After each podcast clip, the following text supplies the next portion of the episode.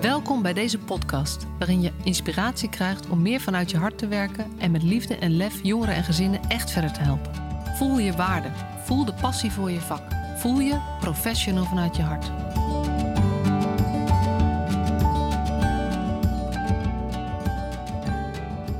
Welkom weer bij deze nieuwe aflevering van de Professional vanuit je hart podcast. En vandaag ga ik in gesprek met Ditty de Jong. Welkom. Dankjewel. En de eerste vraag in deze podcast, en dat weet je, dus je hebt je een beetje kunnen voorbereiden, is: ben jij een professional vanuit je hart? Dat is zeker waar. Uh, en kan je uh, iets zeggen wat dat voor jou, wat het bij jou oproept, wat dat betekent? Uh, professional vanuit je hart roept bij mij op dat je buiten de lijntjes durft te kleuren en durft in te spelen op wat een ja, cliënt of hulpbehoevende op dat moment nodig heeft. En dat is wel de manier waarop jij je werk doet. Ja, zeker. Ja, leuk zeker. hoor. Ja. ja. En um, je hebt een heel verhaal. Uh, want de aanleiding uh, dat, uh, dat je hier zit um, is niet direct je werk. Daar gaan we zo meteen op in. maar jij werkt als begeleider bij een 24-uursvoorziening voor jongvolwassenen, begreep ik. Ja, het zijn inderdaad jongvolwassenen met een ernstig verstandelijke beperking. Met autisme en moeilijk verstaanbaar gedrag. Het is inderdaad, zoals je omschreven, 24-uursvoorziening. Dus er is dag en nacht zijn er begeleiders aanwezig.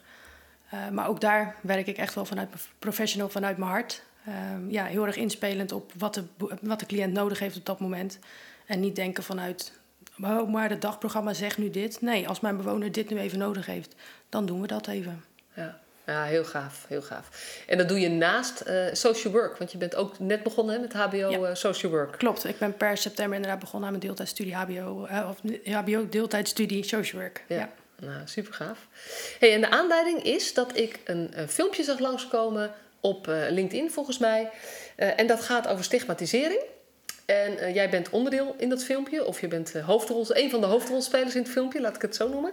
En het is gemaakt door, in opdracht van, of op verzoek van, of samen met de, het panel hoofdzaken van de Nationale Jeugdraad, ja. wat je me net vertelde. Dat klopt. Kan je er wat meer over uitleggen? Ja, ja, de Nationale Jeugdraad ja, dat, de naam zegt eigenlijk al denk ik voldoende. Dat is een van de jongere organisaties hier in Utrecht die zich inzet uh, voor mentale welbevinden. Zo ook dus het panel hoofdzaken. Uh, en zij uh, ja, proberen heel erg taboe en het stigma te doorbreken omtrent mentale gezondheid. Dus ook het stigma in, de, ja, in de GGZ zelf. Dus hoe professionals daar anders mee om kunnen gaan. En wij hebben de opdracht gekregen inderdaad vanuit de kinder- en jeugdpsychiatrie... in samenwerking met het NJI, uh, is NJR dus inderdaad gevraagd om jongeren aan te leveren die daaraan mee wil werken. Ja, en dat is de hele organisaties, alle organisaties die erachter zitten. Ja. Maar wat is het voor filmpje en uh, waarom heb je het gemaakt en waarom heb je eraan meegewerkt? Uh, waarom ik er aan mee heb gewerkt is omdat ik zelf ook heel erg merk dat ik mezelf af en toe, of tenminste af en toe, best wel vaak stigmatiseer. Um, en ik vind dat dat eigenlijk niet meer zou moeten, omdat je ziet dan niet meer de mens achter de diagnose. Terwijl dat juist wel heel erg helpend is. Van zie mij, hoor mij en uh, waardeer mij voor wie ik ben. Ja, ja en dan zit uh, hier zit een, uh, een, een, een, vrouw, een jonge vrouw aan tafel met een verleden in de jeugdzorg. Ja, dat klopt. en misschien is het goed om daar iets over te vertellen. Wat je zelf over wil delen, zodat de luisteraar ook wat meer ideeën ervan krijgt. Ja. Waar heeft ze het dan over? Wat voor soort stigma's gaat het over? Ja, ja nou, ik ben inderdaad rond mijn zevende ben ik in de jeugdzorgcircuit beland. Wat eigenlijk tot na mijn achttiende heeft geduurd. Zowel vrijwillig als onvrijwillig. Um, dat komt doordat ik een moeder heb met borderline en een kookverslaving. Die kon niet meer voor mij zorgen op het moment dat mijn ouders uit elkaar gingen. Um, en eigenlijk vanuit dat stuk ben ik heel erg aan mijn lot overgelaten. Dus is het heel erg juist ook gefocust op wat had mijn moeder nodig... in plaats van wat heb ik als kind nodig. Zijn er ook heel veel grove fouten gemaakt door behandelaren... als het gaat om dat ze niet hebben gezeten op de relatie tussen mij en mijn moeder... maar heel erg alleen maar op mijn probleemgedrag hebben gezeten... Uh, terwijl er ook echt wel een x-aantal begeleiders ooit zijn geweest, slash hulpverleners, die mij wel hebben gezien voor wie ik was. En dus achter het gedrag durfden te kijken. Um, en dat triggert mij denk ik het meest om juist ook die hulpverlener te worden die ik zelf gemist heb. Ja, waarvan je er een paar wel tegengekomen bent, maar ook heel veel niet. Ja, nee, heel veel hebben ook echt wel de plank volledig misgeslagen, ja. ja. ja. Ik heb zelfs een uh, gezinsvoogd gehad, was nog een hele jonge vrouw, ik denk begin twintig. Die had zelf nog helemaal geen ervaring erin had ook in haar omgeving geen kinderen. Dus die, ja, het voelde echt alsof ze als een soort pop tegenover me zat en niet zo goed wist wat ze moest doen. Nou, dat vind ik zelf best wel schrijnend als je dan een voogd bent via Veilig Thuis. Ja, En ehm, als je het dan hebt over stigma's, wat voor stigma's ehm, heb jij, ervaar jij? Leg je jezelf op, want dat zei je net al. Ja, ja ehm, ik weet als kind zijnde uh, vond ik het heel lastig om emoties te uiten. Reageerde ik eigenlijk altijd vanuit de boosheid-emotie, omdat ik wist wat het gevolg daarvan was. Ik werd gezien en er werd ook eigenlijk meteen gehandeld op mijn gedrag. Uh, terwijl er eigenlijk pijn, verdriet, angst, machteloosheid, uh, eigenlijk al, allerlei andere emoties achter zaten. Um, maar daar wist ik de consequenties nog niet van of de gevolgen nog niet.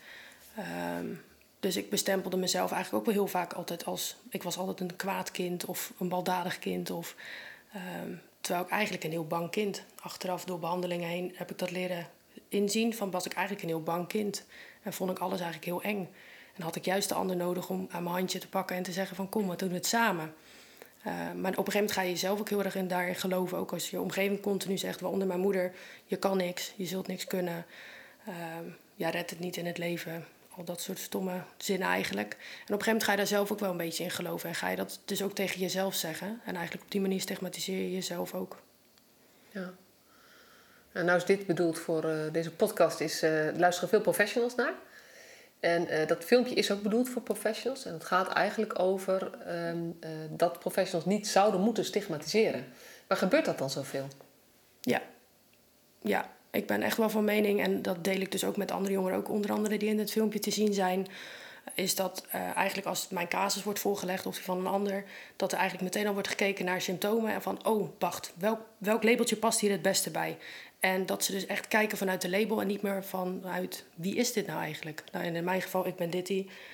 Uh, ik vind uh, paardrijden heel leuk, maar dat wist eigenlijk geen enkele behandelaar in mijn hele leven, omdat ze alleen maar zaten op het stukje met mijn gedrag wat niet oké okay was en wat voor hun niet wenselijk was. Terwijl ik blijf zeggen van ik reageerde eigenlijk heel normaal, omdat ik heel normaal reageerde in een abnormale situatie. Dus wat voor mij uh, een onveilige situatie was, was voor mij juist heel veilig omdat ik dan de teugels in handen had.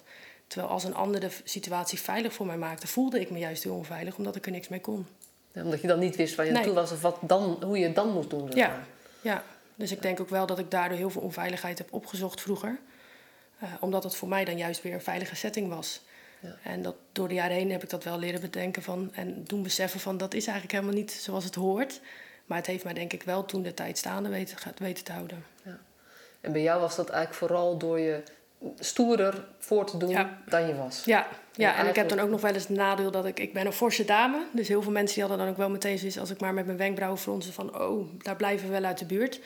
Terwijl ik eigenlijk het hele tegenovergestelde wilde van... zie mij juist, want ik ben een hartstikke leuk mens. Ja. Ja, maar, maar met je gedrag en met je houding... eigenlijk een beetje intimiderende houding op sommige momenten... als ik dat zo even ja. kan uh, inschatten. Klopt. Boos. Ik weet niet of je ook agressief was. Ja, ja, precies. Dus, en en dat, is, dat is eigenlijk. En het stigma gaat bij jou dus niet alleen over een label in de zin van DSM-diagnose, maar het gaat ook over de nadruk die ligt op bepaald probleemgedrag. Ja, ja. En durf daar ook echt voorbij te kijken, inderdaad, dan alleen het zien van iemands gedrag. Uh, durf inderdaad ook daarachter te kijken van hé, hey, maar waar kan dat dan door komen? Misschien heeft diegene wel een hele nare dag gehad op school ja. en komt dat er nu pas uit. Of ja ja, durf verder te kijken. En wat had dat voor jou verschil gemaakt? Vooral dat ik me gezien voelde. Dus het gevoel had dat ik er toe deed, dat ik er mocht zijn. Um, en dat ik er ook mocht zijn met al mijn emoties. Dus ook met de emoties um, die wat heftiger eruit kwamen dan dat ik ze bedoelde. Uh, om me juist ook daarmee te leren van hoe kan ik ze dan wel uiten. Want dat heb ik eigenlijk nooit echt gehad. Pas in behandelingen en therapieën ben ik dat echt gaan leren. Van hoe kan ik dat dan het beste doen? In plaats van schreeuwen kan ik beter zeggen, help me. Maar als je dat nooit aangeleerd krijgt, hoe moet je dat dan doen? Ja. En hoe hadden professionals dat kunnen doen? Vind ik een lastige, want ik wil inderdaad eigenlijk aan de ene kant niet met mijn vinger wijzen, maar aan de andere kant ze wel eigenlijk wat meegeven.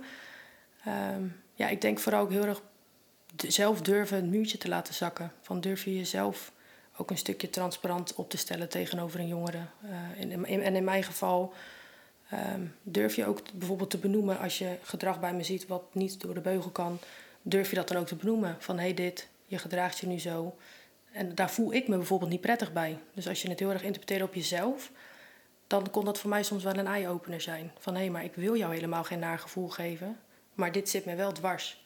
Dus help mij daar dan in. Ja, want dat is natuurlijk wat, wat, uh, wat soms ook lastig is. Dat, dat je het gevoel kan hebben als ik laat merken dat ik bang ben. Dat is natuurlijk een van de dingen die je ook wel meekrijgt. Als je laat merken dat je bang bent, dan walsen de jongeren helemaal over je heen. Maar jij zegt eigenlijk, ja, en iets daarvan is toch nodig. Want juist jongeren die over je heen walsen, kunnen geraakt worden als jij laat merken dat je. Ja, ik weet niet zo goed, bang is misschien, misschien gaat het een stapje te ver. Of denk je dat dat ook wel prima zou kunnen? Ja, het is natuurlijk denk ik ook wel waarin jij je prettig voelt, zeg maar. Dat ook wel. Ehm, maar het heeft mij juist heel erg geholpen toen is tijd ook om af en toe gewoon letterlijk even die plaat voor mijn hoofd neer te zetten van hé, hey, kijk wat je doet. En dit doet het met mij. Ehm, en me daarmee eigenlijk wel weer een soort van back to earth kon fluiten. Dat ik dacht, hé, hey, maar dit wil ik eigenlijk helemaal niet. Ik wil jou geen pijn doen. Ja. Maar ik wil wel dat je me hoort en ziet. Ja. Maar help me daar dan wel in hoe ik dat wel kan doen. In plaats van me bijvoorbeeld maar weer afzonderen, omdat ik weer een gedrag liet zien wat niet door de beugel kon. Ja. Dus behoud het lijntje met me ook daarin. Ja, ja want dat vertelde je ook. Hè? Dat je, hebt, je hebt veel vormen van jeugdzorg eh, gezien. Ehm, ik weet niet of je daar iets over wil delen, wat jouw reis is geweest. Ehm, ja, het is eigenlijk begonnen op een, uh, ja, op een kindgroep. Ik was dus een jaar of zeven, een behandelgroep. Ehm, en dat is eigenlijk zo door, nog doorgegaan dat ik uiteindelijk ook gesloten heb gezeten. En vanuit gesloten weer bij mijn vader terecht ben gekomen omdat ik weer was afgewezen op een kamertrainingscentrum. Door dingen die in mijn dossier stonden, wat eigenlijk gewoon onzin was. Dus ja, dat, daarin vind ik ook dat heel veel kan moet veranderen. Bepaalde stukken uit een dossier kan dus een jongere veel meer schade dan dat mensen doen beseffen. Uh, toen inderdaad bij mijn vader weer beland in. Toen was ik een jaar of 15, 16. Nou, toen was ik ook nog steeds niet helemaal stabiel, zeg maar. Ook echt wel een verlaten puber nog een stukje. Dus is het ook weer misgegaan. En toen ben ik weer vrijwillig in een traject gegaan via jeugdzorg. Met de gouden koe die ze beloofde op een eigen woning. Maar dat kwam ik al heel snel achter dat dat grootste onzin was. Um, dus uiteindelijk daar inderdaad uh, na heel veel gesteggel weggegaan. Uh, bij mijn vriend gaan wonen. Die, ik had destijds, uh, heb ik dus mijn huidige vriend leren kennen. um, alleen helaas merkte ik toch ook wel snel, doordat hij eigenlijk het perfecte leventje had gehad en ik totaal niet, dat dat ja, meer kwaad kon, of tenminste meer, meer kwaad deed dan dat het goed deed. Ehm, en op die manier eigenlijk weer terug in het zadel beland bij jeugdzorg. Uh, toen zouden ze me alweer gaan helpen naar een eigen woning. Uh, en dat is ook niet zo gegaan zoals, ik, zoals het hadden beloofd. Ehm, en toen uiteindelijk echt ervoor gekozen te hebben om gewoon helemaal te, ja, te stoppen met de jeugdzorg. En het toen maar ook wel een stukje in de GGZ te gaan vinden. Om vanuit daar nog een behandelvorm te krijgen voor mijn traumaverwerking. Om in elk geval beter om te leren gaan met mijn emoties. En toen kwam eigenlijk mijn studentenkamer op mijn pad terecht. Uh, via een oude, oud dorpsgenootje. In dat huis kwam mijn kamer uh, vrij. En hij wist dat ik op dat moment eigenlijk wel echt heel dringend op zoek was naar een plek. En toen ben ik daar eigenlijk beland. Ja. Ja, ja dat is iets waar ik ook uh, vaak over heb met professionals in trainingen. Dat we, we, hebben iets van een, nog steeds in ons hoofd zit, een soort carrière binnen jeugdzorg. Is voor je groep, groep, groep. Op een gegeven moment KTC. Uh, en dan, daarna gaan de jongeren zelfstandig wonen. Maar ik zeg eigenlijk, ik leg veel nadruk op dat dat zelfstandig wonen, helaas met de woningnood die er nu eenmaal is, en met het stigma dat je hebt als jeugdzorgjongeren, heel vaak niet zomaar mogelijk is. Nee. En dat is eigenlijk precies wat jij zegt. Ja. Van, ja, je gaat, dat, ik denk dat alle jongeren die naar een KTC gaan, gaan met de verwachting: daarna ga ik op mezelf wonen. Ja. Maar de harde realiteit is dat er even los van um, uh, wat die organisatie doet, dat er gewoon te weinig kamers zijn en dat kamers verschrikkelijk duur zijn. Dus dat je heel veel geld moet hebben of heel, heel veel moet werken om het te kunnen betalen. En dat we in die zin al die jongeren die op een KTC zitten, op die manier binnenkomen, eigenlijk een oneerlijke toekomst schetsen. Ja, klopt. Ja. Nou, en het grappige aan alles vind ik eigenlijk ook wel dat ik eigenlijk nooit echt een KTC heb, dus heb gezien. Het zijn echt weer dan open behandelgroepen geweest, waarin ik dus wel gewoon mijn eigen traject volgde. Dus daarentegen boden ze wel maatwerk, want ik mocht gewoon wel gewoon naar mijn MBO-school in plaats van de andere jongeren naar de interne school op het terrein gingen. Uh, maar daarentegen uh, behandelden, ze de, behandelden ze mij wel hetzelfde als de andere jongeren. Dus als de jongere uit zijn plaat ging, was ik ook meteen de Sjaak. Terwijl ik dacht, ik heb hier helemaal niks mee te maken, laat me met rust. Ik wil gewoon niet mijn huiswerk maken. Maar je, maar je behandelt mij nu hetzelfde als de andere jongeren. Dus daarin werd ik dus weer niet in het maatwerk bejegend, zeg maar. Ja.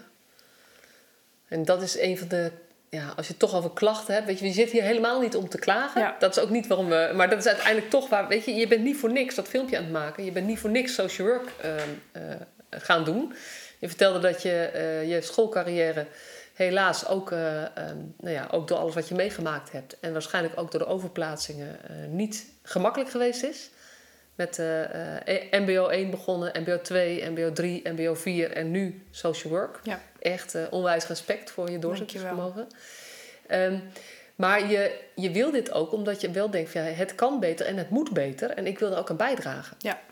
ja, ik denk wel dat ik de ballen heb om dat ook te gaan durven, zeg maar. Om er ook te durven staan. Ook wel een uh, netwerk om me heen te kunnen te durven bouwen met mensen die er hetzelfde in staan. Want alleen ja, denk ik niet dat je het uh, ver gaat schoppen. Gevoelsmatig zou je dat wel willen, maar ik denk dat je dan van een koude kermis thuis komt. Um, maar ik denk wel dat ik een aanzetter kan zijn om inderdaad echt een professional vanuit je hart te worden. Dat als een jongere het nodig heeft om een knuffel van je te krijgen, niet te denken aan de professionele betrokkenheid, maar het gewoon te doen. En waar, waar, want je hebt dan een aantal dingen genoemd waar het dan bij jou over gaat. En dat gaat allemaal even tussen neus en lippen door in je verhaal. Um, uh, en ik heb er een paar gehoord, misschien ook wel een paar gemist. Maar eentje wat je zegt is van hoe ga je om met dossiers?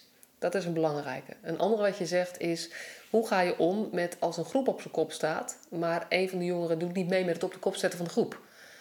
Um, uh, eentje gaat over hoe reageer je uh, als je je uh, gewoon bij echt grensoverschrijdend gedrag van een jongere, want dat is wel wat, wat jij ook deed. Ja. Maar hoe reageer jij dan als professional? Die, dat zijn een aantal thema's. Ja. en be, het woord bejegening viel al even.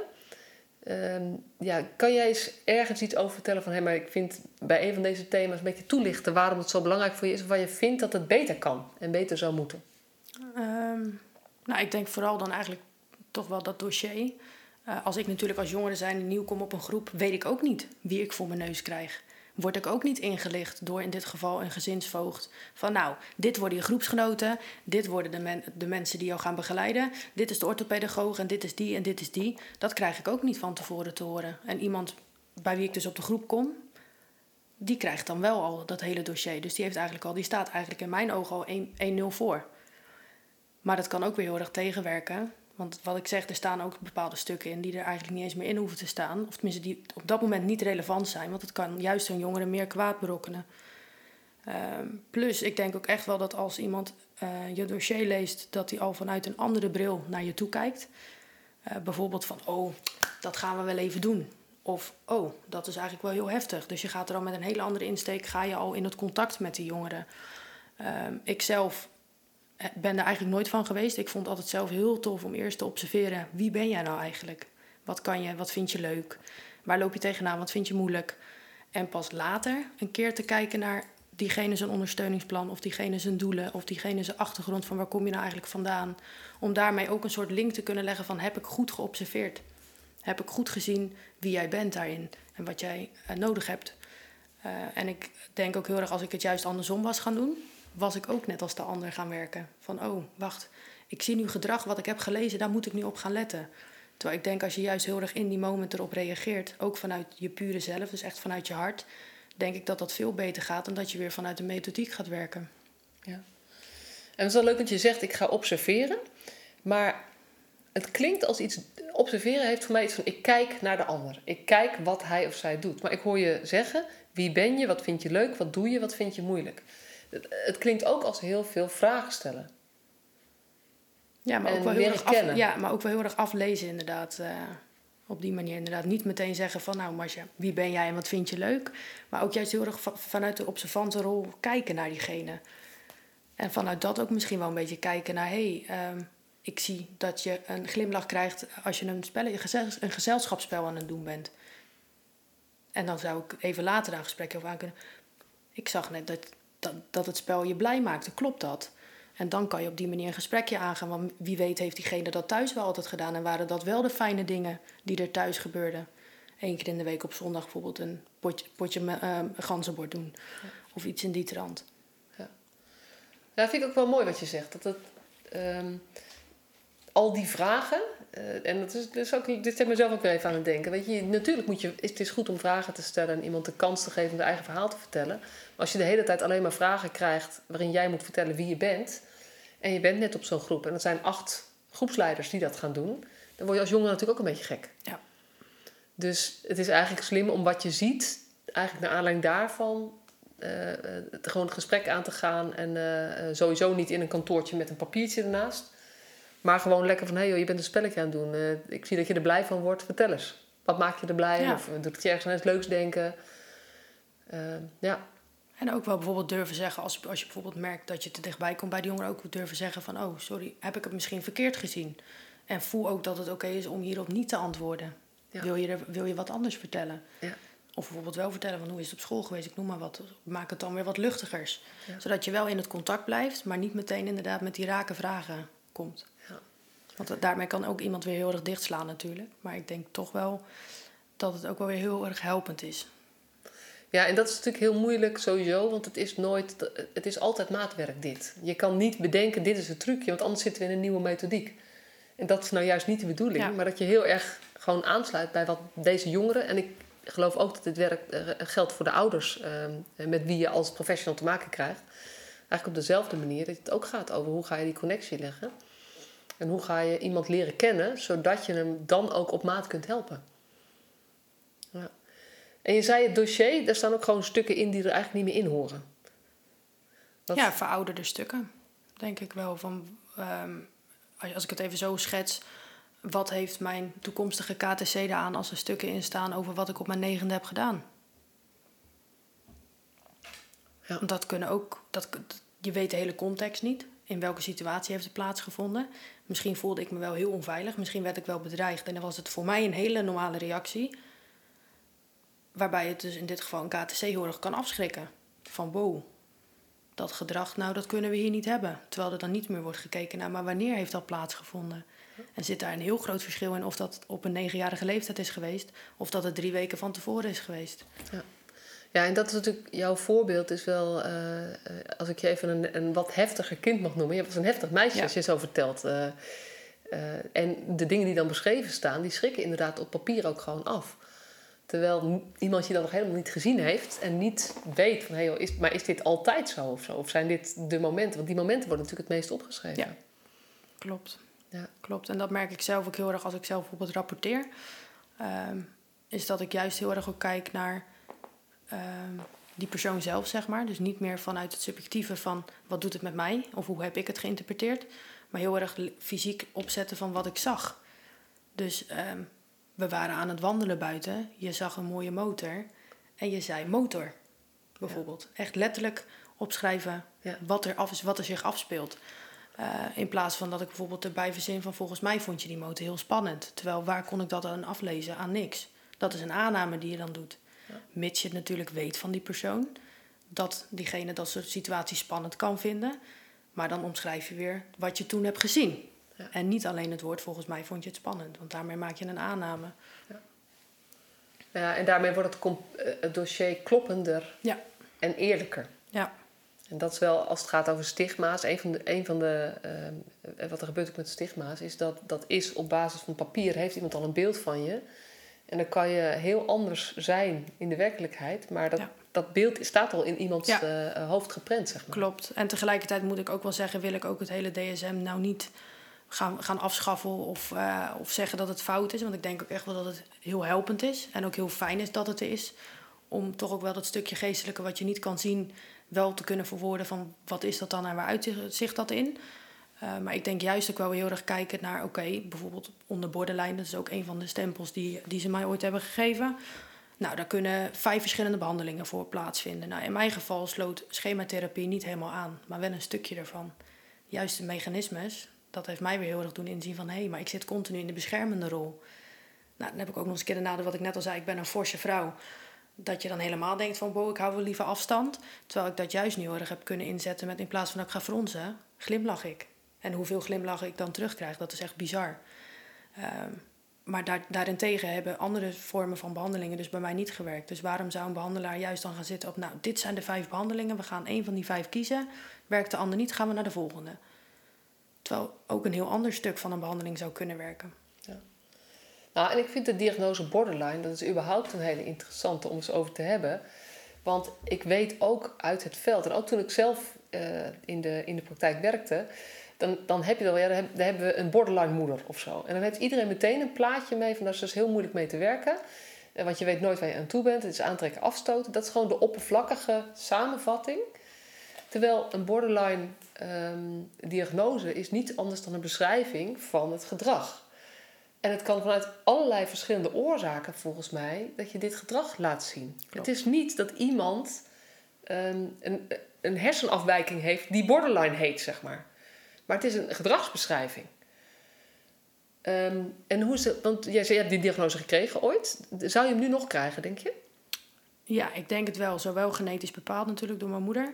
Ook door mijn onveilige thuissituatie vroeger. Dus ik heb dus inderdaad patronen slash mechanismes opgebouwd.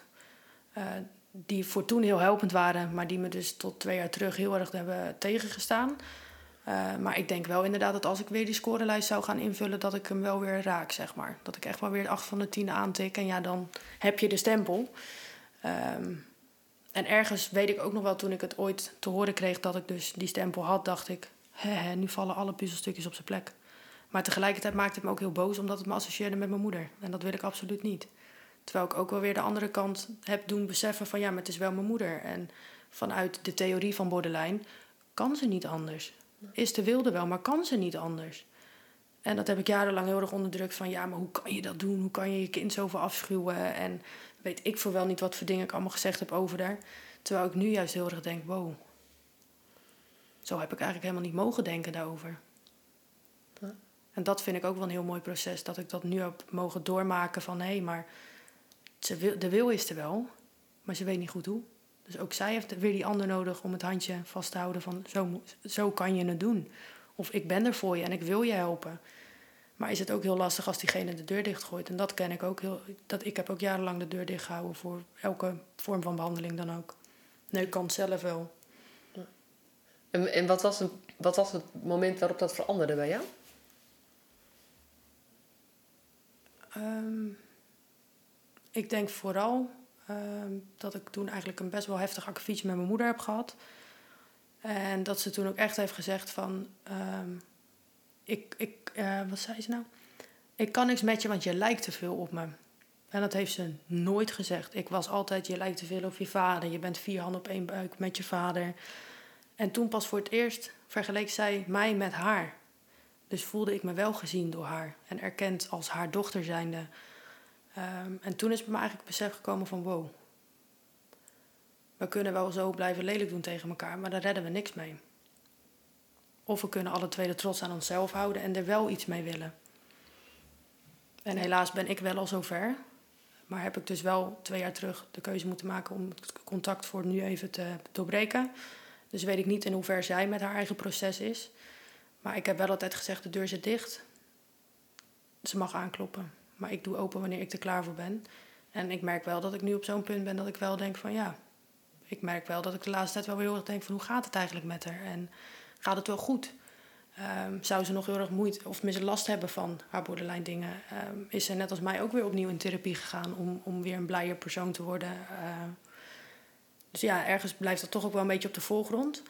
Uh, want het is en blijft wel gewoon mijn moeder ook. Dat ook. Al heb ik vroeger dus echt wat dingen gezegd van dat, dat het totaal niet zo was. Um, ja, maar ik denk toch wel ook wel dat het met de tijd ook wel komt dat je denkt, ja, de ander als een gelijkwaardig persoon ook te zien.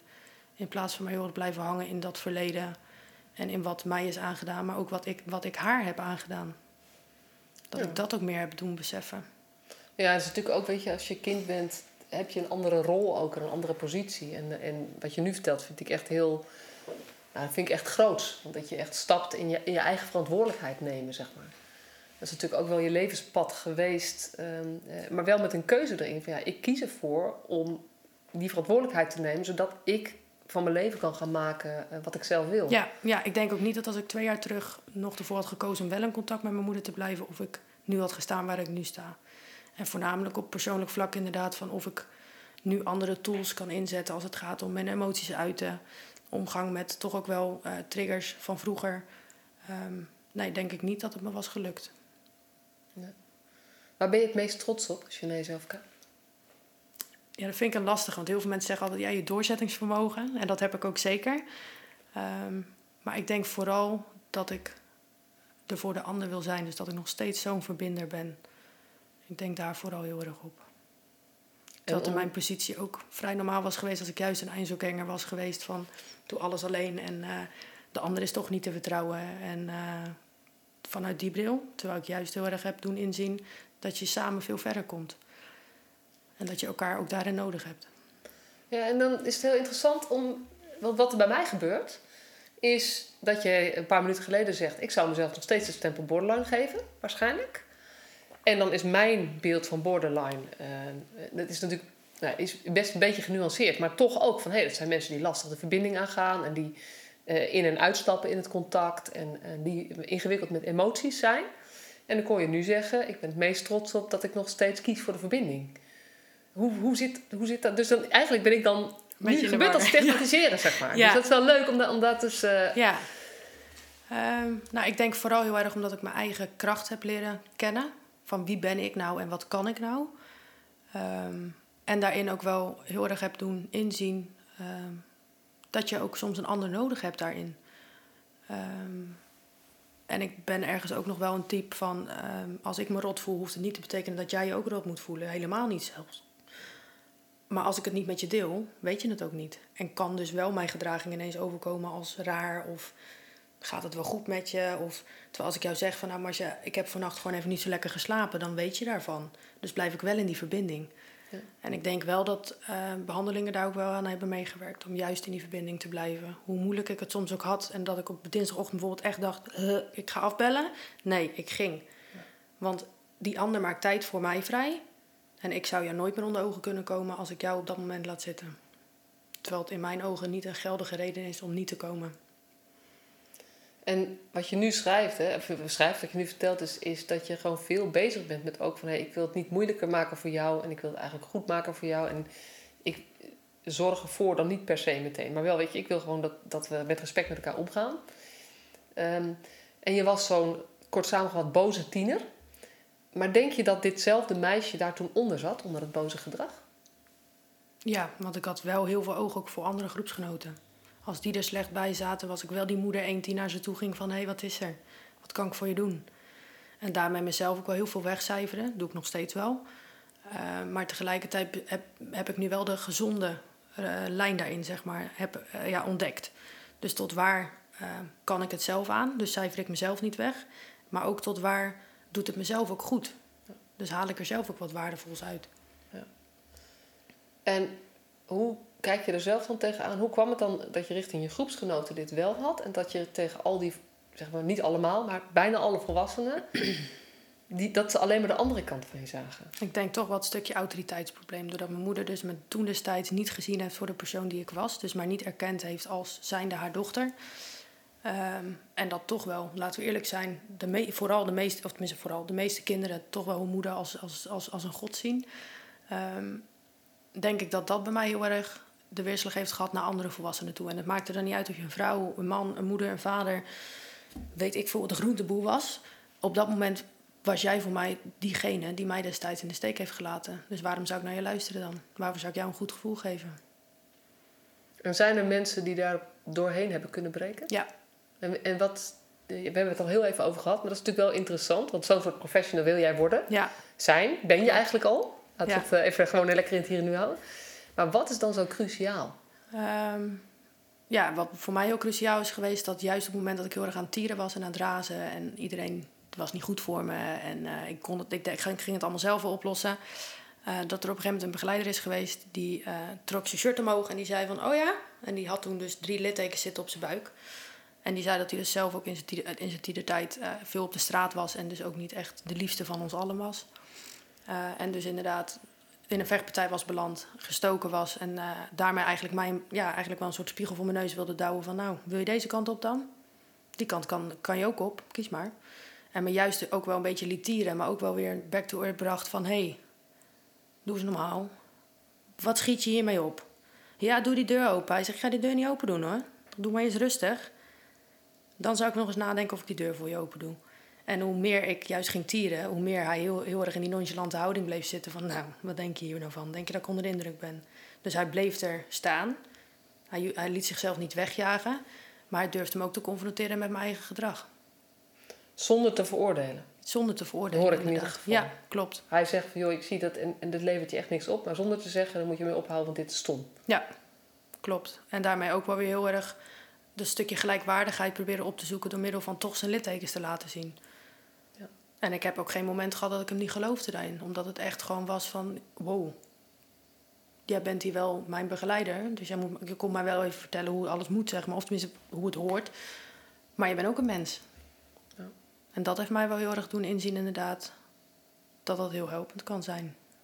Degene voor wie jij, die, bij wie jij wel je muur een stukje kon laten zakken, of in ieder geval die, die je ergens toeleed, waren de, men, de professionals die mensen waren. Ja. Want dit is één voorbeeld. Heb je nog een voorbeeld van, uh, van iemand? Um, ja, dat, ik, ik denk dat dat wel een hele mooie is geweest. Toen ik dus gesloten zat en voor het eerst werd afgewezen op mijn KTC, waar ik naartoe zou gaan. Ik had een mentor, die was denk ik nou, een soort persoonlijke minion. Die was niet heel groot. En dan moet je dus mij een beetje beseffen tegenover je die heel boos is omdat ze is afgewezen. Dus die kwam me halen en die zei, uh, die had een pakje sigaretten mee. Normaal gesproken mochten we maar twee sigaretten per uitwijmoment. Maar nu had ze zoiets, ik neem het hele pakje mee, want ik weet niet hoe ze reageert. En ik was eigenlijk er heel nuchter en cool onder. En uh, we gingen even op het uitwijplein zitten. En ze zei, uh, ja, ik weet niet zo goed hoe ik moet zeggen. En toen keek ik er ook aan. Ik zeg, zeg het maar. Ik zeg, ik ben zeker weer afgewezen. En toen keek ze me aan en zei ze, ja, sorry. En volgens mij voelde zij zich nog lulliger dan dat ik me voelde. Omdat het voor mij de zoveelste afwijzing was. Dat ik dacht, ja, weet nog niet of ik er warm of koud van moet zijn. Maar juist doordat zij wel inspeelde op mijn behoefte daarin. Dus dat ik misschien wel de behoefte had om een heel pakje sigaretten leeg, leeg te roken. Omdat ik zoveel stress had of boosheid al in me had. Maar tegelijkertijd er ook durven te zijn voor me. Ze had er ook voor, voor kunnen kiezen om drie andere mensen erbij te roepen. Omdat ze dus ergens misschien toch ook wel dacht dat ik zou gaan flippen. En ze dan geen schijn van kans maakte. Maar juist ook wel door de bandopbouw die ik al met haar had. Want ik vertrouwde die vrouw blindelings durfde ze er wel op dat moment, durfde ze haar vrouwtje te staan. Ja. En nam ze er dus ook genoegen mee als het wel geëscaleerd was. Ja. Maar had ze ook dan nog de verbinding met me aangaan, want ze wist waardoor het kwam. Ik was weer teleurgesteld.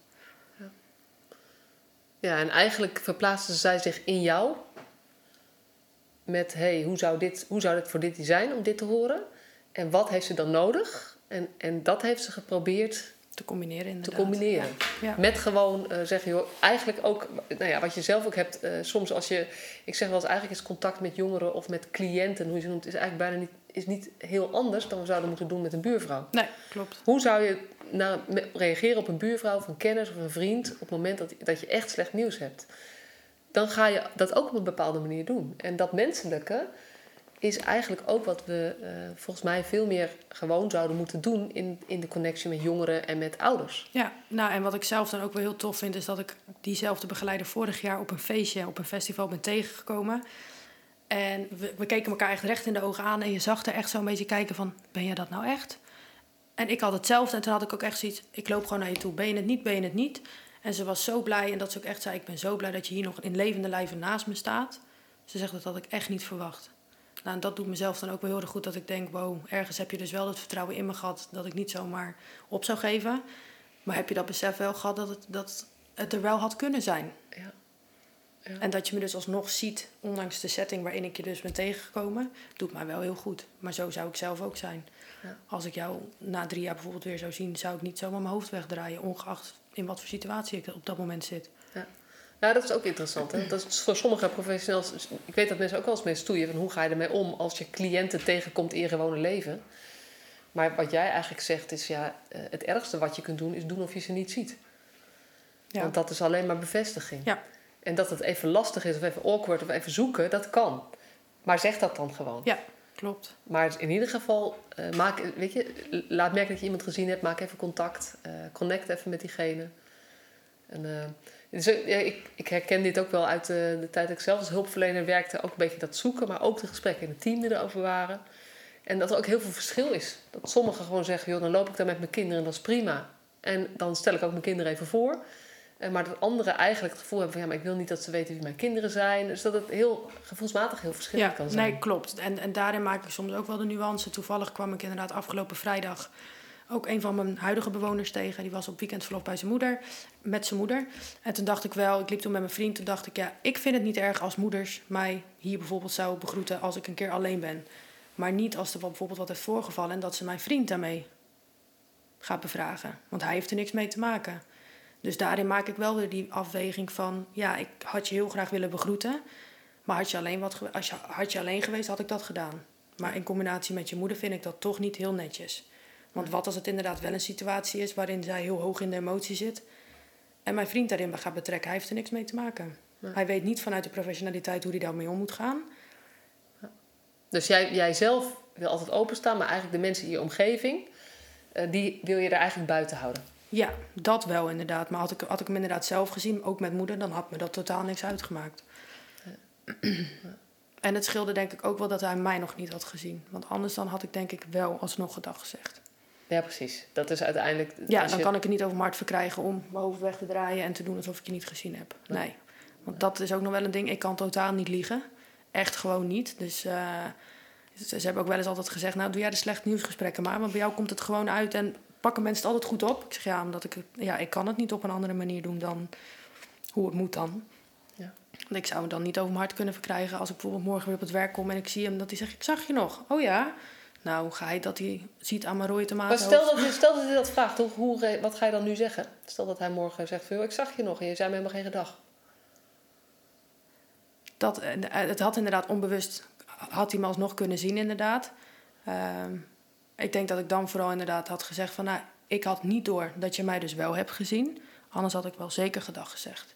En ik heb inmiddels ook wel zo'n lijntje met hem dat hij dan ook wel voelt op die manier. En hoe zou je het dan uitleggen dat je, niet, dat je toch geen gedag gezegd hebt? Um, dat vind ik inderdaad een goeie. Want aan de ene kant weer dan misschien toch wel een leugentje om best wel doen. Maar ik zeg net dat ik niet kan liegen. Um, ik denk dan toch wel dat ik inderdaad zou zeggen van... nou, mijn vriend was er ook bij. Um, ik vind het zelf niet erg. Ik zeg maar, ik weet van hem dat hij dat niet zo, dat, hij dat niet zo heel prettig kan vinden.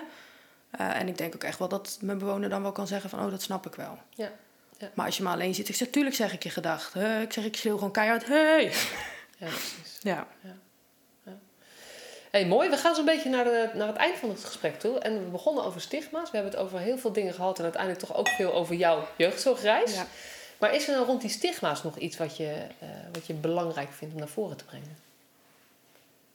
Um, ja, ik denk vooral uh, durf ook naast de diagnose te kijken. Dus echt juist vooral wie is diegene. Um, durf ook toe te geven als je bijvoorbeeld een keer vastloopt in een gesprek met diegene van nou ik weet het nu gewoon even niet. Of wat denk jij dat helpend is voor jezelf? Want uiteindelijk zit je er natuurlijk wel voor degene die een probleem heeft. En wordt er denk ik nog heel veel gedacht vanuit, oh maar dan moet je dit en dat doen. Dan werkt dit altijd. Ja, precies. En daarvoor precies. zeg je, dan moet stop daarmee. Ja, ja, ja. En als inderdaad diegene bijvoorbeeld wel even nodig heeft om net even een rechterpad te bewandelen dan hoe het behoort, maar is het wel veilig genoeg voor alle partijen? Waarom niet? Ja, dus geef meer regie ja. aan ja. de jongeren, maar ook aan de ouderen. Ja, en, en, en besef jezelf ook dat natuurlijk um, stigmatiseren gebeurt natuurlijk al jaren. Als we het niet over tientallen jaren al hebben. Het is niet zomaar op de een of andere dag veranderd. En mensen zijn dan ineens van de een of andere dag bewuster ervan. Maar blijf het je wel bewust wat het met diegene kan doen. Als je het wel doet. Ja, want dat zei je zelf, dat, je jezelf als professional er ook soms op betrapt. Ja. Kan je daar nog iets over zeggen? Um, ja, ik denk vooral dan inderdaad als het gaat om um, met mijn collega's bijvoorbeeld, als er dan inderdaad iets afspeelt, dat ik dan um, heel erg het gevoel heb dat de ander niet achter uh, de dingen staat die hij zegt. Dan kan ik wel heel erg denken van, hé, hey, waar komt het dan door? En dan ben ik wel een type dat ik heel erg aan de tand ga voelen. Terwijl ik je dan eigenlijk misschien wel pak op een stukje onzekerheid van jezelf. En die vat ik dan ook wel weer samen onder een stukje stigma van waarom moet je dat op die manier doen? Terwijl je ook gewoon kan vragen van nou vertel eens, waarom maakt het zo dat jij er zo over denkt? Ja, dus jij hebt bijna meer richting collega's? Ja. Ja. ja. ja. dat is ook een hele mooie. Want ik denk dat dat ook veel gebeurt. Dat er beelden zijn van gezinsvoogden, er zijn beelden van groepsleiders, er zijn beelden van mensen die gesloten werken, er zijn beelden van uh, van, van uh, nou ja, ik, ik, kom even niet meer op. Van, van alle soorten mensen hebben we wel beelden. Ja. En dat hoor ik ook wel vaak. We zouden eigenlijk meer met elkaar moeten praten in plaats van over elkaar denken. Ja, Dus, eh, Zeker. En dat is eigenlijk wat jij ook zegt. Van, Ja. Je gaat eigenlijk al, je radars gaan al eh, twintig kanten op. En je hebt al tien verklaringen waarom het zou kunnen en hoe je eh, hier verandert. En eigenlijk wat je nog overslagen hebt, is eigenlijk van, joh, hey, je zegt dit nu, maar wat bedoel je er eigenlijk mee? Ja, het eigenlijk weer heel erg terugleggen bij de ander inderdaad. In plaats van aannames maken. Ja, Want daarmee creëer je juist, denk ik, of tenminste weet ik wel zeker, het, het tegenovergestelde. En dat wil je juist niet. Ja, nee, precies. Ik denk dat, eh, en dat is heel mooi, want dat is wat je, ook wat je zegt, van dat zouden we richting jongeren moeten doen. En dit is dus ook wat we onderling veel meer zouden moeten doen. Ja. Hey, heel mooi. Dankjewel voor alles wat je met, eh, met ons gedeeld hebt. Is er nog iets, een, iets wat ik vergeten ben? Of eh, iets wat je nog zou willen toevoegen? Nee, eigenlijk zou ik het niet weten. Ja, behalve dat, dat bijvoorbeeld ook professional vanuit je hart ook bijvoorbeeld dus in de gehandicaptenzorg gewoon doorloopt. En daar denk ik elke zorgsector ook wel. En laten we het gewoon met z'n allen gaan doen. Want leven is lef, eh, nee, leven is lef tonen. Ik eh, sluit me er helemaal bij aan en eh, ik vind het superleuk eh, dat je mijn gast wilde zijn. Dankjewel. Ja, jij ook bedankt. Superleuk dat je weer luisterde naar deze podcast. Dankjewel. Nog even kort een paar belangrijke dingen. Ten eerste, het is mijn missie dat de jeugdhulp weer een sector wordt waarin bevlogen, liefdevolle professionals jongeren en gezinnen echt verder helpen. Daarom maak ik deze podcast voor jou. Wil jij deel uitmaken van deze beweging van Professional vanuit je hart, waarin professionals elkaar steeds opnieuw inspireren? Begin dan met het lezen van mijn boek. Je kunt de eerste hoofdstukken helemaal gratis lezen. Ga naar professionalvanuitjehart.nl slash boek. Ten tweede, wil je alle podcastafleveringen overzichtelijk onder elkaar? Abonneer je dan op deze podcast. Klik in je podcast-app op de button subscribe of abonneren. En elke keer als er een nieuwe podcastaflevering gepubliceerd wordt, ontvang je automatisch een berichtje. Ten derde, ondersteun je mijn missie? Geef me dan een review via je podcast-app, bijvoorbeeld iTunes of Spotify. Op die manier kan ik nog meer professionals bereiken. En ken je een collega voor wie deze podcast ook interessant is? Dan zou het super zijn als je hem of haar de podcastaflevering doorstuurt. Bijvoorbeeld door de link te kopiëren via Spotify. Ik vind het altijd heel leuk om berichtjes te ontvangen van luisteraars om te horen wat je van een podcast vindt, of als je misschien vragen of suggesties hebt. Of als een aflevering je een bepaald inzicht heeft gegeven of er iets in beweging is gekomen. Stuur me dan even een berichtje op masha.professionalvanuitjehart.nl via de website of stuur me een connectieverzoek op LinkedIn.